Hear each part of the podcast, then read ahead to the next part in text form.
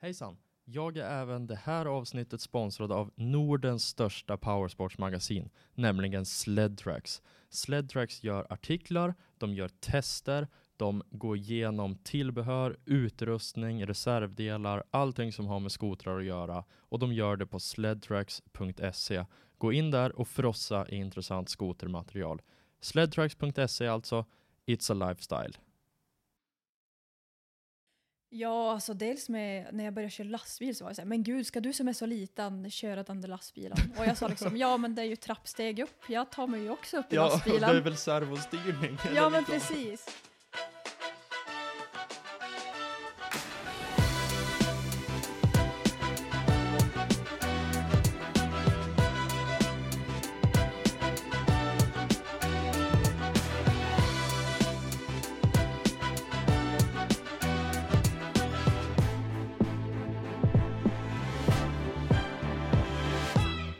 Hej och hjärtligt välkommen till avsnitt nummer 14 av den nu ett år gamla Snöskoterpodden. Jag sitter just nu uppe i Saxnäs på Marsfjäll Mountain Lodge och det var faktiskt här uppe i Saxnäs som jag precis för ett år sedan spelade in det första avsnittet av Snöskoterpodden med eh, Erik från Jetwear. Och det, alltså det är helt sjukt vad fort tiden går, men det är också jäkligt roligt att den här podden redan har varit igång i ett år. Men nu till någonting mycket mer intressant, nämligen dagens gäst. Som enligt mig är en riktigt cool och inspirerande person. Hon har jobbat åt Försvarsmakten, hon har lastbilskort, hon är deltidsbrandman, hon har precis börjat plugga till polis, hon bygger sitt inspirerande Instagramkonto med eh, stadigt växande följarantal och hon jobbar även som skribent på Sledtrack som är Nordens största powersportsmagasin online. Personen jag pratar om, som, i, som titeln på det här avsnittet redan har avslöjat, är Madeleine Avander. Den här tjejen bidrar rejält till skoterbranschen, både sett till det jobb hon gör på Sledtracks, men också för att inspirera och peppa framförallt tjejer till att hitta glädjen i skoterkörningen och till att vilja utvecklas. Madeleine Avander, varmt välkommen till Snöskoterpodden. Ja men tack så mycket, känns jättekul att vara här. Ja, roligt. Hur är läget? Ja men det är jättebra, vi är ju på Sledtracks photoshoot just nu så att riktigt bra. Vi har ju haft det jäkligt bra. Alltså de här dagarna, det, det är lite hårt före, men det går ändå att hitta otroligt bra åkning. Och i fredags, alltså vad blir det? Det blir igår, vi spelar in det här på lördagen. Ja precis. Eh, då var det ju strålande sol hela dagen. Ja vi hade helt magiskt väder. Vi hade lite otur idag men Ja, otur, otur. Alltså det, det sprack ju typ upp, men det var inte lika perfekt i alla fall. Det, eh, det, har varit, har varit otroligt roligt och jag har i alla fall haft en grym dag på fjället och inne i granskogen. Har, har du också liksom lyckats hitta bra åkning eller har det varit mer arrangörsjobb för dig? nej men lite både och. På dagarna så försöker vi följa med mycket med, med deltagarna och se så att de har det bra. Så att det har varit jätteroligt att följa med. Mm. Du har ju lagt dina, nej inte, inte dina första mil, men du har lagt bland de första milen på årets maskin. Ja men precis. Eh, Jag har inte hunnit med så mycket körning som jag har velat göra i år så att, eh, men äntligen. Vad åker du för maskin då? Eh, Lyngs Bondocker 600 är i år. I fjol så hade du en 800, Ja, vill jag precis. minnas, en Arctic. Ja, en Arctic Cat Alpha One. Vad tycker du om 600 hittills? Du har åkt typ 5-10 mil på den här. Nej men vi är väl uppe på 15 nu i alla fall. Ja, så. men eh, den känns otroligt fin faktiskt. Ehm, det måste jag säga. Du kom överens med styrning och liksom eh, körställning. Ja, alltså Motor och allt är ju, det tar ju ett litet tag innan man har vant, vant in sig på en ny maskin. Ehm, men jag tycker att han känns fantastiskt bra. och Alltså, han lär väl bli bättre också tänker jag. ja, förmodligen. Men alltså den där nya 600, den verkar ju gå som ett skott. Alltså den verkar ju gå typ som en 800. i Ja men faktiskt, alltså, den går nog att jämföra med gamla 800. Jag skulle tro Ja. det. För det går ju liksom att resa och ställa den där rakt upp om man vill också. Det gick ju inte med 600 för fem år sedan. Nej precis, nej den här är faktiskt lite annars. Ja. Till det bättre då. Ja, exakt. Ja, vad roligt. Hur har det gått att planera det här eventet då? Eh, Jag har faktiskt inte haft så mycket att göra med den biten utan det är Mattias som drar mest i de trådarna. Och han har ju varit med i podden också. Ja precis. Är, han är ju typ din eh, chef, skulle man kunna säga. Ja, han är min chef. Kompan är bra. Ja men det gör vi faktiskt. Mattias är ett riktigt energiknippe. Jag vågar inte säga något annat. Nej men han är en fantastiskt driven människa och väldigt engagerad i det han gör. Ja. Och han gör ett jätte, jättebra jobb med, med hela allt det här. Han är ju en unik eh, individ. Det är han verkligen. I mångt och mycket. Han bidrar med mycket energi. ja, han är så jäkla rolig. Men eh, liksom, vet du ungefär hur långt i förväg man, då man börjar planera det här eventet? Eller liksom, när börjar ni sätta datum och sånt där? För jag menar, vi är 120 pers. Ja, vi är 120 pers, så att det är ju ett rätt stort event. Mm. Eh, förra året var vi ju kanske hälften. Så att det har ju blivit en, en ökning. Mm. Men ett halvår kanske. Ja. Sen tror jag att Mattias har nog alltid haft eh, tankar som har snurrat innan också. ja, förmodligen. Jag vet att när vi var här i fjol, då för bra precis ett år sedan, eh, då gick han redan då och bara ah, det här vart skit, det här vart skit, det här måste vi göra om till nästa år, nästa år, jag har redan planerat för det här. Alltså han hade liksom redan då, ett år i förväg, planerat för hur han skulle kunna göra det bättre och större till det här året. Ja, men jag tror det är det som är så himla bra med Mattias, att han har en sån otrolig drivkraft och ser allting sånt där på en gång. Ja, är ja men väldigt, verkligen. eh, Han är visionär. Ja, det är han. Ja, äh, väldigt roligt. Ni har ju gjort ett kanonjobb med att fixa det här och samordna allting och jag är väldigt glad att jag har fått möjlighet att vara här för jag har haft toppendagar. Ja, men vad härligt. Men du var ju med förra året också, så att du visste Ja. ju lite vad som skulle komma. Ja, jag visste ju lite vad som, ja, exakt vad som skulle komma. Jag visste ju att det var bra, men det var ju också så här i fjol, jag var ju så nöjd efter fjolåret. Så var det så här, okej, kommer det toppa eller kommer jag bara känna att, eh, ja, det är sämre. Jag hade liksom ganska höga förväntningar ändå. Eh, Men jag tycker ändå att det levde upp till det, just att vi fick en dag med strålande sol. Det ju, Ja, det var ju helt perfekt. Jag tror faktiskt att eh, många har rätt höga förväntningar. Det är många som har kommit tillbaka redan från, som var med förra året. Så att, eh, kul med återkommande folk också. Då tyder det på att man gör ett bra jobb också. ja, ja men verkligen. är jätteroligt. Men eh, jag skulle vilja veta lite mer om dig, för att helt ärligt så vet jag, jag vet typ ingenting om dig som person, så det här ska bli jätteintressant. Men jag vet i alla fall att du är ifrån Arvidsjaur, men eh, vart är du född någonstans? Ja, jag är född och uppvuxen i en by som heter Moskosel. Som ligger ungefär fyra och en halv mil från Arvidsjaur, mot Jokkmokk. Så att eh, där bodde jag fram till jag var 16 år ungefär. När jag började gymnasiet så flyttade jag till Arvidsjaur och sen dess har jag varit kvar där och har precis flyttat till en liten by igen som heter Gargnäs. Jaha, vart ligger det? Eh, fyra och en halv mil från Sorsele ungefär. Så att eh, nu är man tillbaka i glesbygden. du gillar småbyar? Ja, jo men pojkvännen kör skotercross och han har liksom sin skotercrossbana och hela sitt liv där. Så att då blev det enklare att jag flyttade mitt pick och pack. Ja, ah, jag fattar.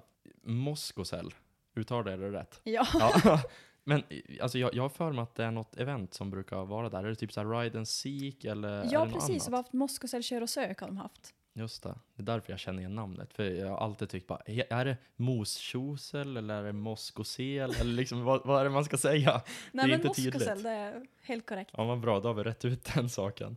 Men eh, om vi går tillbaka lite grann då, liksom uppväxten i Moskosel. Vad gör, vad gör man där?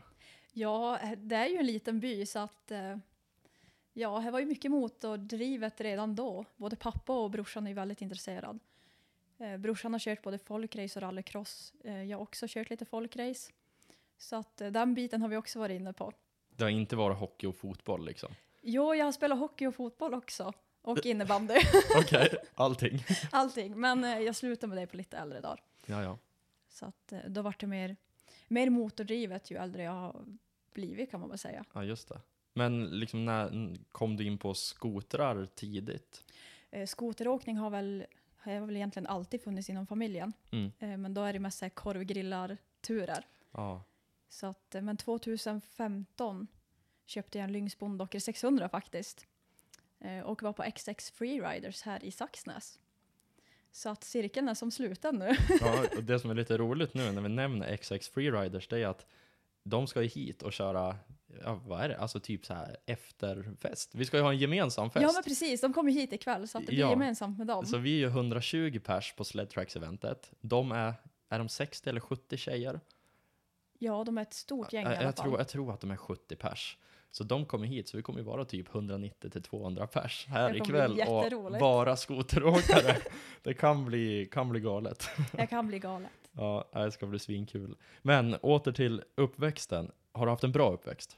Ja men absolut, jag har bott där med min, ja med familjen, närmsta familjen. Ja. Eh, mamma, pappa, min lillebror som jag är väldigt, väldigt nära. Han är en av mina bästa vänner och sen har det väl blivit på den biten att man kom in på motor, Mm. motordelen. Ja. Men då har liksom alla har någonting gemensamt ändå i motorsporten. Jo, precis. Det är väl, det är väl där man har sitt hjärta lite grann. Ja, exakt. Grundskola, det är ju vad det är, men du sa att du flyttade in när, när du var sex, nej, vad sa du, 16? Ja, precis, du flyttade in och började skolan i Ja, jag- Arvidsjaur. Ja, jag började gymnasiet där och då gick jag ekonomi. Mm. Eh, jag hade väl egentligen inget intresse för det överhuvudtaget, men jag tänkte att det var en bra grund att stå på. Okej, Jag visste inte riktigt vad jag, vad jag ville göra då. Eh, det, det är ju klokt, men inget av de yrkena du har jobbat med har ju haft med ekonomi att göra direkt. Eh, Nej, det kan man väl inte riktigt säga, men ja. Nej, men här var det en bra grund att ha med sig ändå. Absolut. Så du är ändå liksom nöjd med, med skolvalet? Ja, absolut. Hade jag valt idag så tror jag att jag faktiskt hade gått transport. Mm. Eh, Även fast jag inte jobbar med det nu. Men Men du, du har ju lastbilskort. ja, precis. Jag tog lastbilskortet 2016. Då gick jag en vuxenutbildning. Alltså du tog det liksom privat, eller vad man ska säga. Eh, via komvux. ja, Så att det är typ som eh, en gymnasieutbildning fast under ett halvår. gud vad Där bra. man läser liksom fordonsämnen. Det måste ju vara perfekt ju. Eh, jätterolig och lärorik utbildning. Har du, har du tungt släp också? Ja, Ja, så Precis. då kan du ju bara liksom, du kan köra fetaste skoterpickisen, lasta på liksom största släpvagnen och du behöver aldrig bry dig. nej precis. Jag har sagt till Mattias att nu får vi köpa en trailer så Ja. att jag får komma där och köra hela Exakt. Han, har garanterat inte körkort för att köra det. så Nej, det är faktiskt bara, jag tror att det är bara jag som har alla behörigheter. Ja, kaxigt.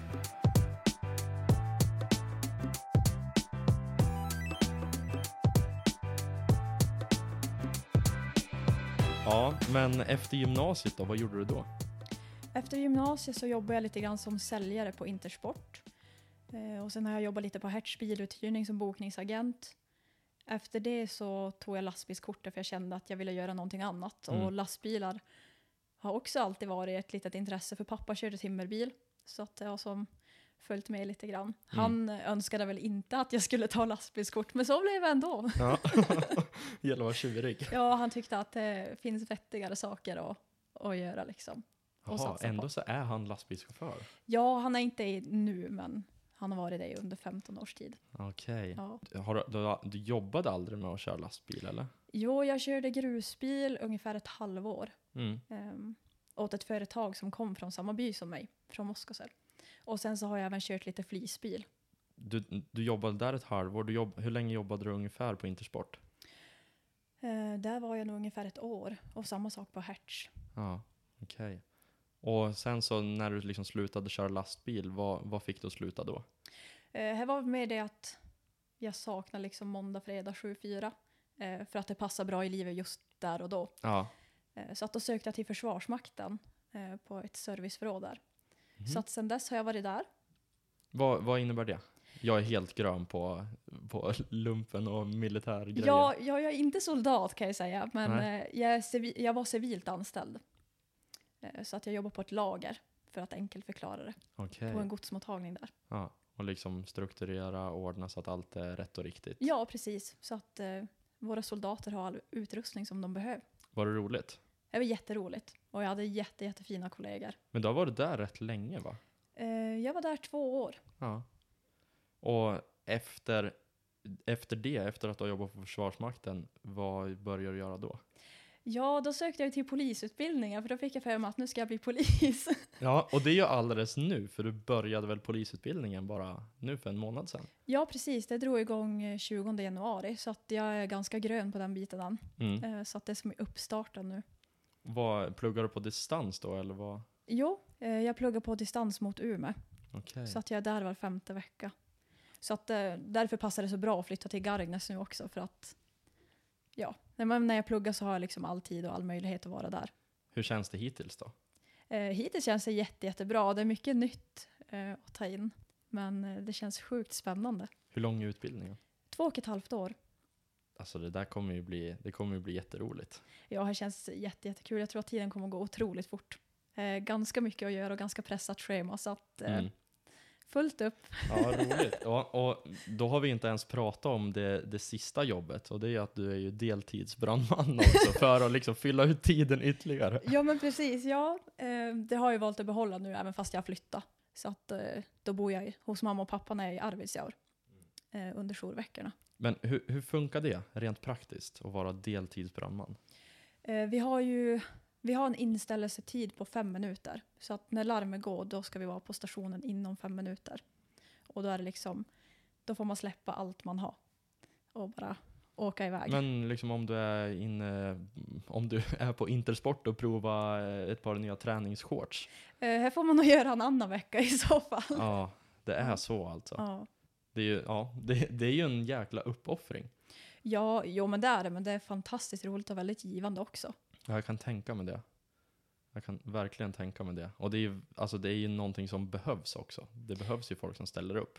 Ja, absolut, det behövs verkligen. Sen är det, det är ganska svårt att kombinera med, med vissa yrken också. Så att det är ganska svårt att få tag i folk som, som har möjligheten att vara med i verksamheten. Ja, Men jag tänker så här, om du har ett annat jobb också och du kanske sitter på ett superviktigt möte. Det här måste ju gå före. Du måste ju typ bara resa dig upp och gå. Ja, precis. Man får ju släppa liksom allt. Eh, Jäklar vad sjukt. Ja, första gången det PP var mitt i natten. Det var mitt första larm. Så att eh, bara det är ju en sjuk känsla. ja men alltså man är ju yrvaken när veckan ringer på morgonen och tänk dig där då, då får man lite adrenalinpåslag och man blir lite, ja, vakna yrvaken liksom. Ja, alltså adrenalinpåslaget, det är påtagligt. Ja, jag kan tänka mig det. Ja, nej, jäkligt bra. Det, det behövs. Ja, men det gör det faktiskt. Hur gammal är du? Eh, jag är 24, jag blir 25 i april. Okej, så du har hunnit med väldigt mycket på ganska få år, eh, vilket är en bedrift i sig. Men varför fick du jobb på just eh, Sledtracks? Nej, men det är faktiskt en ganska rolig historia. Jag vart uppringd av Andreas som är med i Sledtracks. Han bor ju också i Arvidsjaur. Så att han kände väl till lite grann vem jag var. Så att han ringde och frågade och undrade ifall jag var intresserad av att skriva. För han förstår ju att skoteråkning, det var ju absolut ett intresse. Och jag sa att ja, men absolut, jag tycker att det är jätteroligt att skriva. Det har alltid liksom varit intressant. Så jag fick skriva en testartikel och skicka in till dåvarande ägaren av Sledtracks.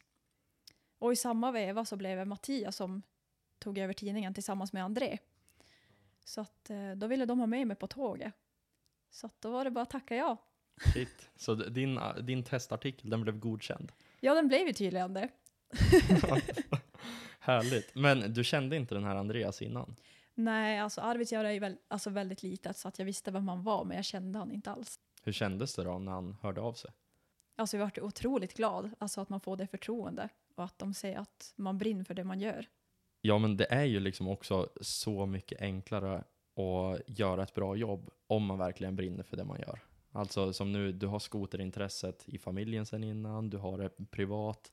När du dessutom då ska jobba med skotrar och skriva om skotrar, du kommer ju kanske inte tycka att det är jobbigt att skriva den där artikeln ens. Nej, alltså till en början så var det ganska svårt att skriva för vi på Sledtrack skriver på ett speciellt sätt. Eh, så att innan man kom in i de tankebanorna och hur, hur de ville att man skulle lägga upp det på ett ungefär. Men nu när man har skrivit i snart två år så känns det betydligt lättare och bättre. Nej, men det, ni har ju en speciell, en speciell touch på era texter. De känns ju liksom, ja, men de, de känns rätt genomtänkt tycker jag. Ja, men jo, det är de. Vi har ju ett ungefärligt upplägg hur vi, hur vi vill att det ska vara. Sen innehållet beror ju helt och hållet på vad maskinerna talar om för oss. Ja, så är det ju. Skulle ni våga skriva någon gång att en maskin är skit? Vi tar ju absolut upp saker som vi tycker ska åtgärdas eller förbättras eller som vi tycker att det finns kritik på. Sen får man ju överväga lite grann vad som är väsentligt att ta upp också. Ja, och liksom hur mycket skit som är värt att kasta. Ja, men precis. Det är en liten vågskål det där. ja. Men samtidigt så, ni är ju ärliga också. Så Ja, är men- det någon punkt som är, ni tycker ska förbättras så då skriver ni väl ändå det? Ja, men precis. Det är ju liksom, det är en öppen och ärlig tidning så att eh, absolut. Ja, det, det är jätteroligt och jätteroligt att följa er allihop. Men liksom, det första du fick göra när du började på Sledtracks, det var väl att åka till USA. Och då skulle du testköra det kommande årets maskiner. Och som jag har förstått det i alla fall så var du ensam tjej då. Och du åkte med ett gäng killar som du aldrig ens hade träffat tidigare. Ni hade typ bara hörts på telefon. Och enligt mig, då låter ju det här helt galet. Men liksom, hur, hur gick det? Nej, men efter att jag hade tackat ja till att vara med i en del av Sledtracks så skulle jag börja på hösten. För säsongen var ju som redan igång. Och sen så satt jag på en utbildning med Försvarsmakten och Andreas hade ringt flera gånger. Jag tänkte, men herregud, nu är det någonting viktigt här. Så jag ringde upp till honom och då frågade han om jag ville följa med till USA och testa nästa års maskiner. Och du bara nej, nej, nej tack. Eh, jag sa glatt ja. och sen visste jag väl kanske inte riktigt vad jag gav mig in på heller, eller vilka förväntningar de hade på mig. Så att, eh, och det var ju som du säger, helt främmande grabbar. Jag hade pratat med Andreas i telefon några gånger och samma sak med Mattias. Men det är ett jättehärligt gäng. Ja men det är att, eh, verkligen. Det är lättsamma människor. Ja, de är otroligt lättsamma och alla har så himla härliga personligheter så att det var väldigt enkelt att komma in i gänget. Och många är otroligt duktiga på att köra skoter också, så bara det är ju liksom en vinst i sig, att man faktiskt utvecklas som förare. Jag vet särskilt Henrik. Ja, alltså Henrik han är gudomlig på att köra. Han är en stor inspirationskälla. Absolut. Även för mig. I, I fjol, det var första gången jag träffade honom och han var ju liksom helt galen. Superödmjuk, superlugn. Det är så här, det går inte att urskilja honom som en supervass skoteråkare. Men sen så när han tar på sig hjälmen, han blir helt galen. Ja, alltså Henke han, han utstrålar ett väldigt lugn och är ju alltid liksom glad och ödmjuk. Och sen när han sätter sig på skoten då är det liksom, då är det all in. Ja, det, det är en helt annan person. Men eh, den här USA-resan då, hur var det liksom när, ni, när du väl tog dig på flygplatsen och du mötte upp de här okända grabbarna? Ja, det roliga var ju att jag och Henke, vi skulle flyga från Skellefteå, för Henke var ju nyskribent han också då, vi började samtidigt. Eh, och vi skulle flyga från Skellefteå. Eh, så att jag sov ju dessutom hos Henke dagen innan vi skulle åka för att flyget gick så tidigt på morgonen. Så att jag sov ju hos en helt främmande människa också. Gud. och hans flickvän, men de var jättegoda och härliga så att det var... alltså, man, ja, man vet ju inte heller. Tänk om det hade varit knäppjökar, men det var ju tur att det inte var det. Nej, tack och lov, de var väldigt behändiga. ja. Men liksom då, då när ni, ni möttes upp på flygplatsen med de andra, ni liksom vart kompisar ganska snabbt. Sen så när ni kom till USA, hur var, hur var hela den upplevelsen? Att få köra helt nya maskiner? Ja, det var helt otroligt. Vi var i West Yellowstone och körde, så det är ju ett ganska litet ställe det också.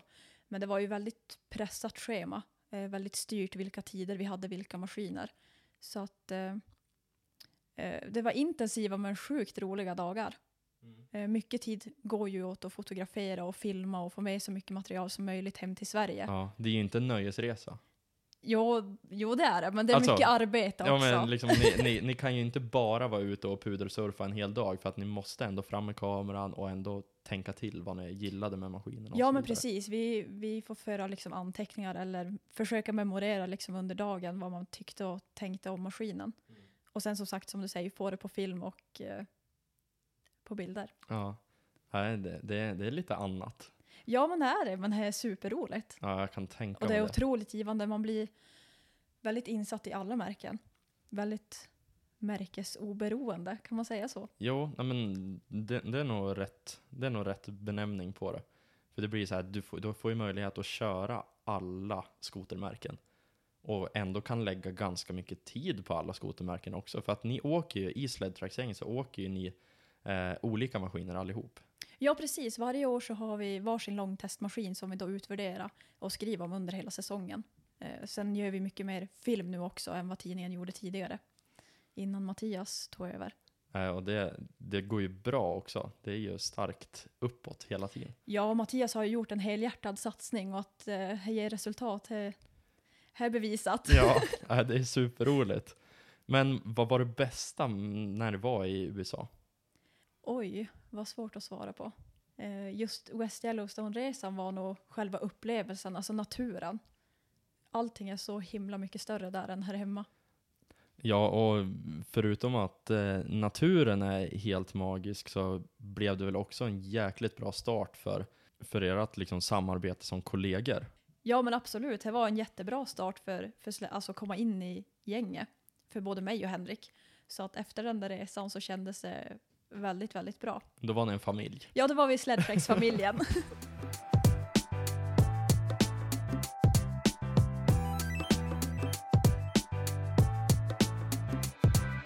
Vad är enligt dig det bästa med att jobba på Sledtracks?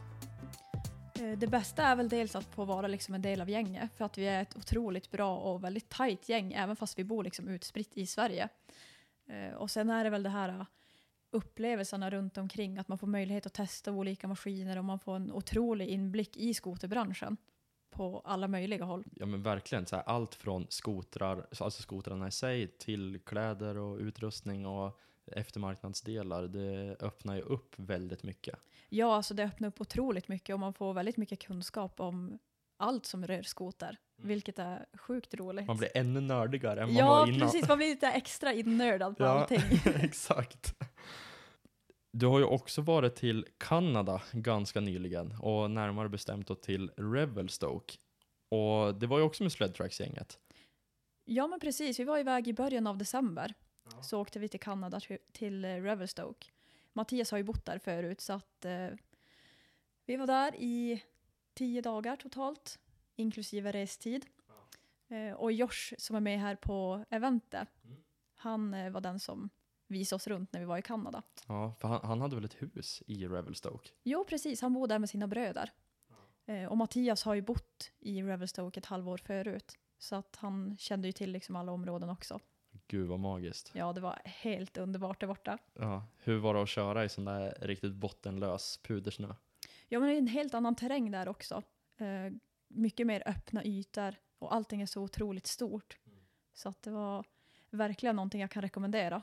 Ja, men alltså, det är väl lite så här myrsurfaktigt fast det är mycket uppför också. Det är liksom inte bara helt platt som det är i Sverige. Nej, alltså det är otroligt mycket alltså höjder.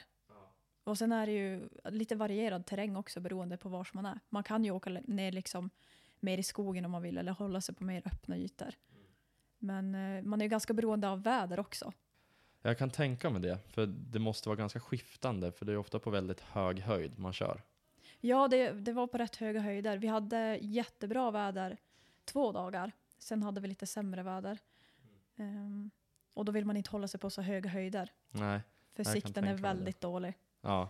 Vågar man ge sig in och köra någon teknisk skogskörning när det är så här tre meter snö?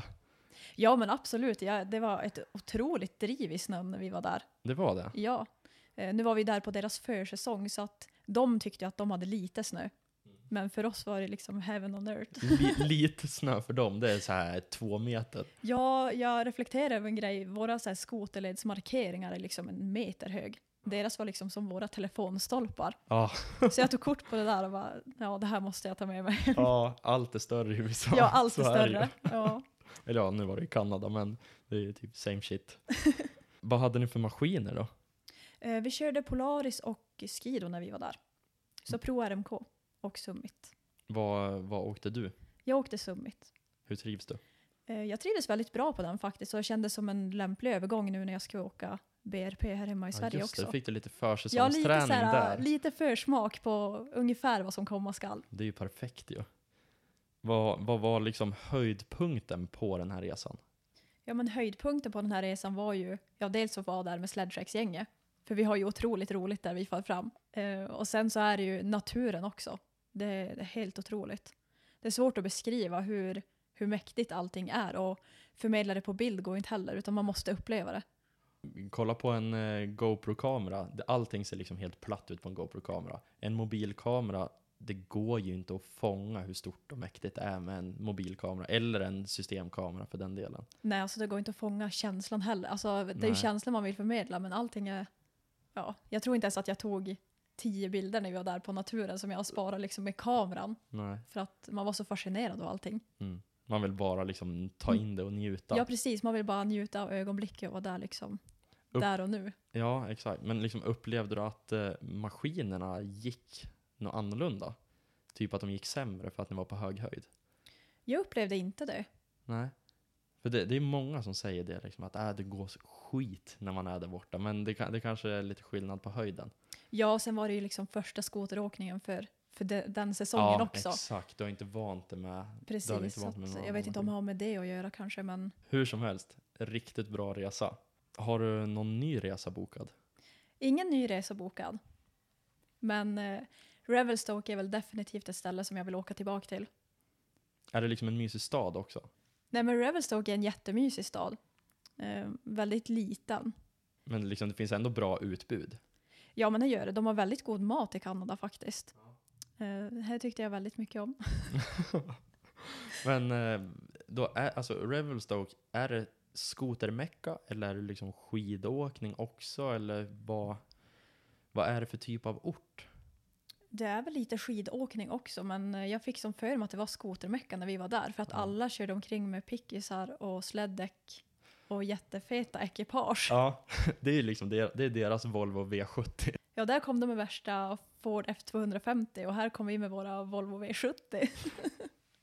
Ja, det är så jäkla coolt alltså. Det, man fascineras ju av USA och Kanada. Det är en helt annan kultur. Ja, det är en helt annan kultur där faktiskt än vad man är van hemma i Sverige. Men Kanada är ju, det är sjukt trevligt folk där också. Det är det. Väldigt så här öppna och tillmötesgående och väldigt vänliga. Det är inget problem att stanna någon på gatan och fråga om hjälp. Nej, absolut inte. De är väldigt hjälpsamma. Då är det till Revelstoke vi ska alltså. Absolut.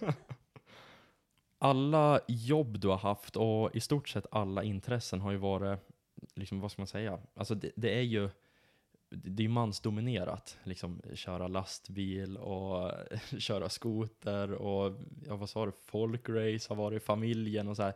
Det är ju väldigt killiga sporter. Har du blivit påverkad av det här som tjej? Ja, så är det klart att under hela uppväxten så har man väl liksom alltid fått tacklas med fördomar. Då man har haft så pass pojkiga intressen eller vad man ska säga. Så att man har ju hela tiden fått försöka bevisa att jag kan också även fast jag är tjej.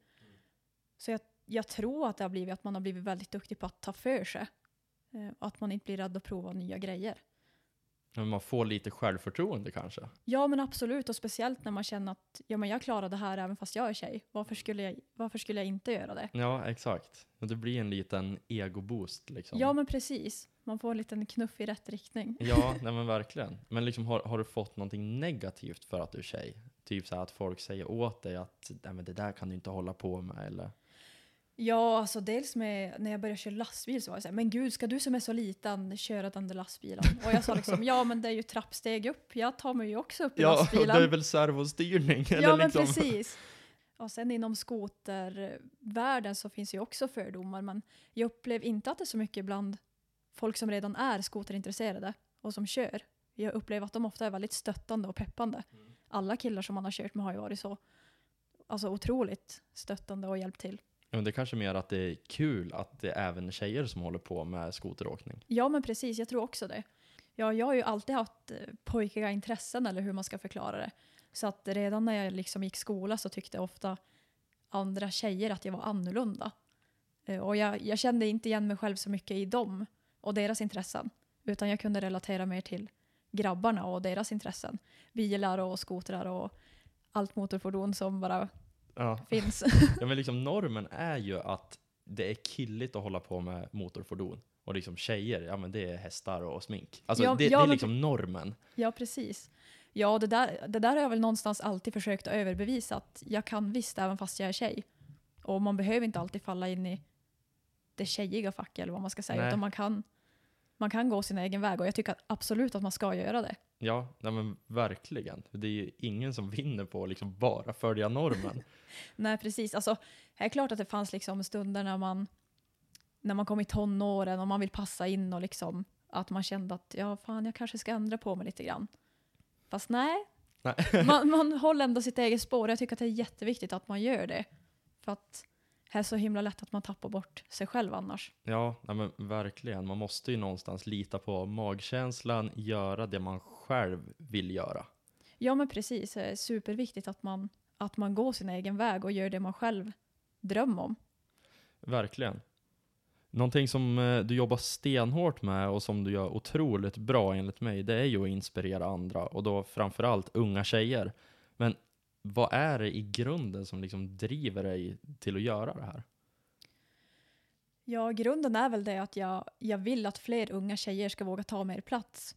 För att det är så lätt att man bara faller tillbaka och skippar och göra sin egen grej för att man är rädd vad alla andra tycker och tänk.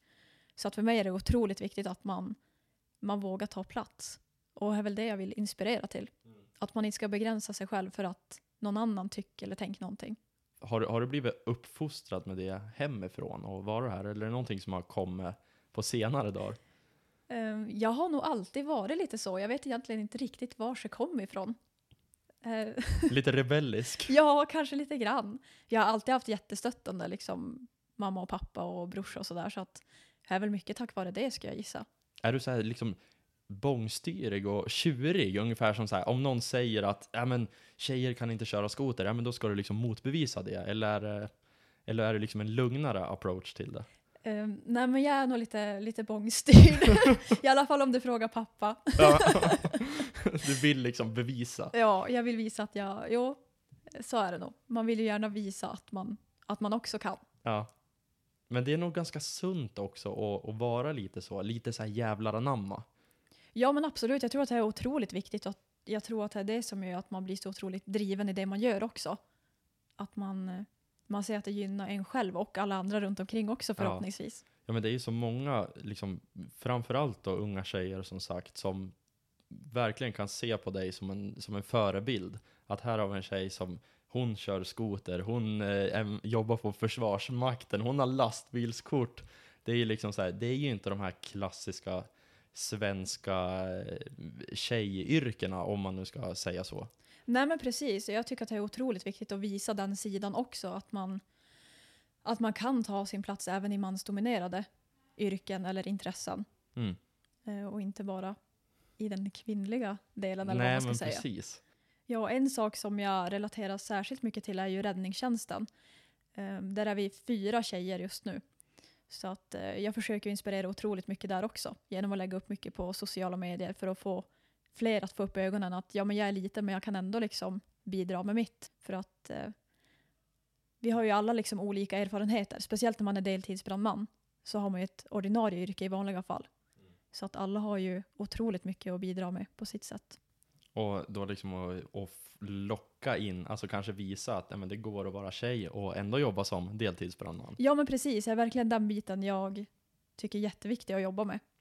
Och att även arbetsgivarna gör det också. Mm. Att liksom visa att, Men känner du, känner du liksom stöd från, från arbetsgivaren? ja alltså absolut. I, I den resan du liksom gör. Jo men de har varit jättestöttande och så även alla kollegor på räddningstjänsten också. De tycker bara att det är kul att De tycker håller att på. det är jätteroligt att det kommer in fler kvinnor. Så att eh, det uppskattas. Ja, men det är ju bra. För annars kanske det blir så här, ja, sånt där dravel vill vi inte hålla på med. Men då är det inte så för dig i alla fall. Nej men precis, nej men de har varit otroligt stöttande eh, och väldigt positiva. Ja, nej, men det är ju det är jättebra. Och det är nog den utvecklingen vi måste gå också. För det känns som att det är ju inte, det är inte standard att, liksom sånt, att jämställdhet eh, lyfts upp. Det är, ju, det är ju tyvärr inte helt normaliserat än. Nej men det är ju bra, alltså det är på rätt väg. Känns det som faktiskt. Verkligen. Eh, Jag tycker det känns som att, att det är på uppsving. Sen ett annat exempel är ju vi på Sledtracks. Jag tror faktiskt att vi är enda snöskotertidningen som har en kvinnlig skribent och förare. Ett Faktiskt. föredöme i branschen. Ja, det känns otroligt kul att eh, Mattias och André gjorde den satsningen och tog in en kvinnlig förare och skribent. Ja, nej, men det, det ligger ju liksom helt rätt i tiden och man måste nog ändå liksom tänka på för gruppdynamik och för att få liksom nya infallsvinklar i tidningen. Kanske, inte vet jag, ett eh, skoterstyre passar superbra för en kille som är 190 cm lång, men för dig som är 160 cm lång, ja men då kanske du tycker någonting helt annat. Så det kan ju också bidra till att det blir matnyttigare material i tidningen. Ja, precis så som du säger, att det blir från andra vinklar. Och att man når fler läsare också och fler som känner sig träffade och liksom kan relatera till det vi skriver om och som vi arbetar med. Så att jag tycker att det är otroligt viktigt att vi har med oss tjejer. Ja, för det är väl liksom när man verkligen känner igen sig, det är då man, det är då man tycker den här läsningen är riktigt rolig. När man kanske, åh jäklar, det där problemet har jag också. Och ja, jag känner också att styret är för brett. Det är ju liksom just det här igenkännigheten, det är, det är det man går igång på, i alla fall jag. Ja, det är ju lite det vi jobbar ut efter också, att vi vill att folk ska känna igen sig i det vi skriver om och det vi arbetar med. Så att det är ju jätteviktigt att vi får med oss den kvinnliga synvinkeln där också. För att eh, det växer ju otroligt mycket med kvinnor inom, bran- eller inom skoterbranschen. Ja, men det växer nog otroligt mycket alltså. Alltså kolla bara XX Freerider som har hållit igång, alltså vad är det, typ 7-8 år. Och liksom fullbokat år efter år efter år. Och det, jag jobbar ju också i skoterbranschen och vi säljer betydligt mycket mer eh, skoterkläder till tjejer nu jämfört med vad vi gjorde för fyra år sedan. Så det, det är verkligen liksom en uppåtgående trend. Ja, en jätterolig trend. Ja, Eh, otroligt roligt. Superkul att Det är så kanske många... du som har bidragit till det. Ja, men förhoppningsvis. Så jag hoppas verkligen att jag har gjort det. Och att jag kommer fortsätta göra det. Det kommer du säkert. Och din Instagram, den har ju växt väldigt bra. Jag har för mig att för ett år sedan, då hade du ungefär tusen följare och nu är du nästan uppe på två och ett tusen följare. Så du har ju typ dubblat antalet följare på ett år. Ja, och det roliga är att folk brukar fråga hur jag har gjort. Och jag har sagt att ja, jag är bara den jag är och visar liksom det som jag pysslar med. Och jag hoppas verkligen att det inspirerar. Ja, det är ju inte bara så att du lägger upp bilder när du står i en eh, brandmansdräkt heller, eller brandmanskläder, utan du skriver ju faktiskt vad ni har hållit på med. Nu har vi gjort den här övningen, nu har vi provat det här, nu har vi klippt upp en bil. Alltså, du är ju väldigt inkluderande när du, alltså i det du lägger upp på Instagram. Ja, men precis. Och jag tror att det är lättare att få liksom en känsla och en bättre uppfattning om vad jag egentligen pysslar med. Om man är lite mer informativ eller vad man ska säga. Mm, ja men Eh. verkligen. Och i avsnittet, i poddavsnittet med Ashkan, eh, det var avsnitt nummer nio har jag för mig, eh, då pratade han också om det. För att bli stor på sociala medier, då måste man jobba med storytelling. Det vill säga att du kan inte bara lägga upp coola bilder och inte berätta någonting. För folk tröttnar på att bara se coola bilder. Du måste också ha ett budskap. Och kanske som du gör, liksom, ja, men idag har vi gjort det här, skriva en text om det, sen har vi gjort det där, har varit ute och kört skoter. Ja, men liksom, det blir matnyttigt. Det är både en fin bild och en rolig text att läsa. Tänker du mycket på det här eller kommer det helt naturligt? Jag skulle säga att det kom helt naturligt. Eh, som jag nämnde tidigare så har jag alltid tyckt om otroligt mycket att skriva också. Redan i skolan så var ju de skriftliga uppgifterna lite lättare tyckte jag än de muntliga. Så att eh, det är väl det som följer med lite grann. Och sen att jag tycker om att liksom förmedla vad jag gör. Som i slutändan förhoppningsvis inspirera. Så att eh, det här kommer lite naturligt. Sen är det väl klart att ju mer man håller på så lite mer tänker man väl på hur man kan lägga upp eller Ja, det- ja exakt. För du, du, i och med att du skriver på Sledtracks också, då är du ju inne i Ja men du är ju inne i det här skrivtänket kan jag tänka mig. Jo, det där skrivtänket, det, det finns som alltid kvar där. Mm. Så att eh, det är väl kanske det som lyser igenom lite grann också. Ja, både liksom passion, att du tycker det är roligt, plus att du kan skriva och du faktiskt jobbar med att skriva också. Det blir en väldigt bra kombo som väldigt många tycker är intressant att följa. Och nu när vi spelar in det här så är det, vad är det exakt? Är det, ungefär 2 500 följare. Jag tror att det ja, 2400 på ett ungefär. Ja. ja. Att, eh, Väldigt roligt. Och du kom, nu, vi kanske ses här om ett år igen och då, vem vet, då kanske du har 5000 följare. Om Ja. trenden fortsätter. ja, precis. Ja, det är väl egentligen inte liksom följarantalet som spelar roll. Det är väl mer att budskapet når fram. Verkligen. Det är sunt. Hörru du, eh, Madde, jäklar vad roligt det har varit att spela in det här. Jag tycker att det har varit ett annorlunda avsnitt, men ett väldigt bra avsnitt. Och det känns också som att vi har, vi har lyft upp någonting som eh, är väldigt viktigt att prata om. Liksom att våga gå emot strömmen och göra saker lite annorlunda. Och du var ju lite nervös innan, men jag tycker ändå att det har gått väldigt bra. Hur tycker du att det har gått? Ja, alltså jag var väldigt nervös innan, men jag tycker om att prata så att jag släppte lite grann efter ett tag. Ja, nej, det är ju bara, det är ju bara en liten mikrofon. Man tänker inte på den efter ett tag. Nej, det är faktiskt sant, men eh, det är lite ovant att ha framför sig så här. Ja, den är läskig. Jag tycker fortfarande att den är läskig efter nu 14 avsnitt. eh, om man skulle vilja komma i kontakt med dig, hur gör man då? Ja, antingen bara skicka ett PM på Instagram.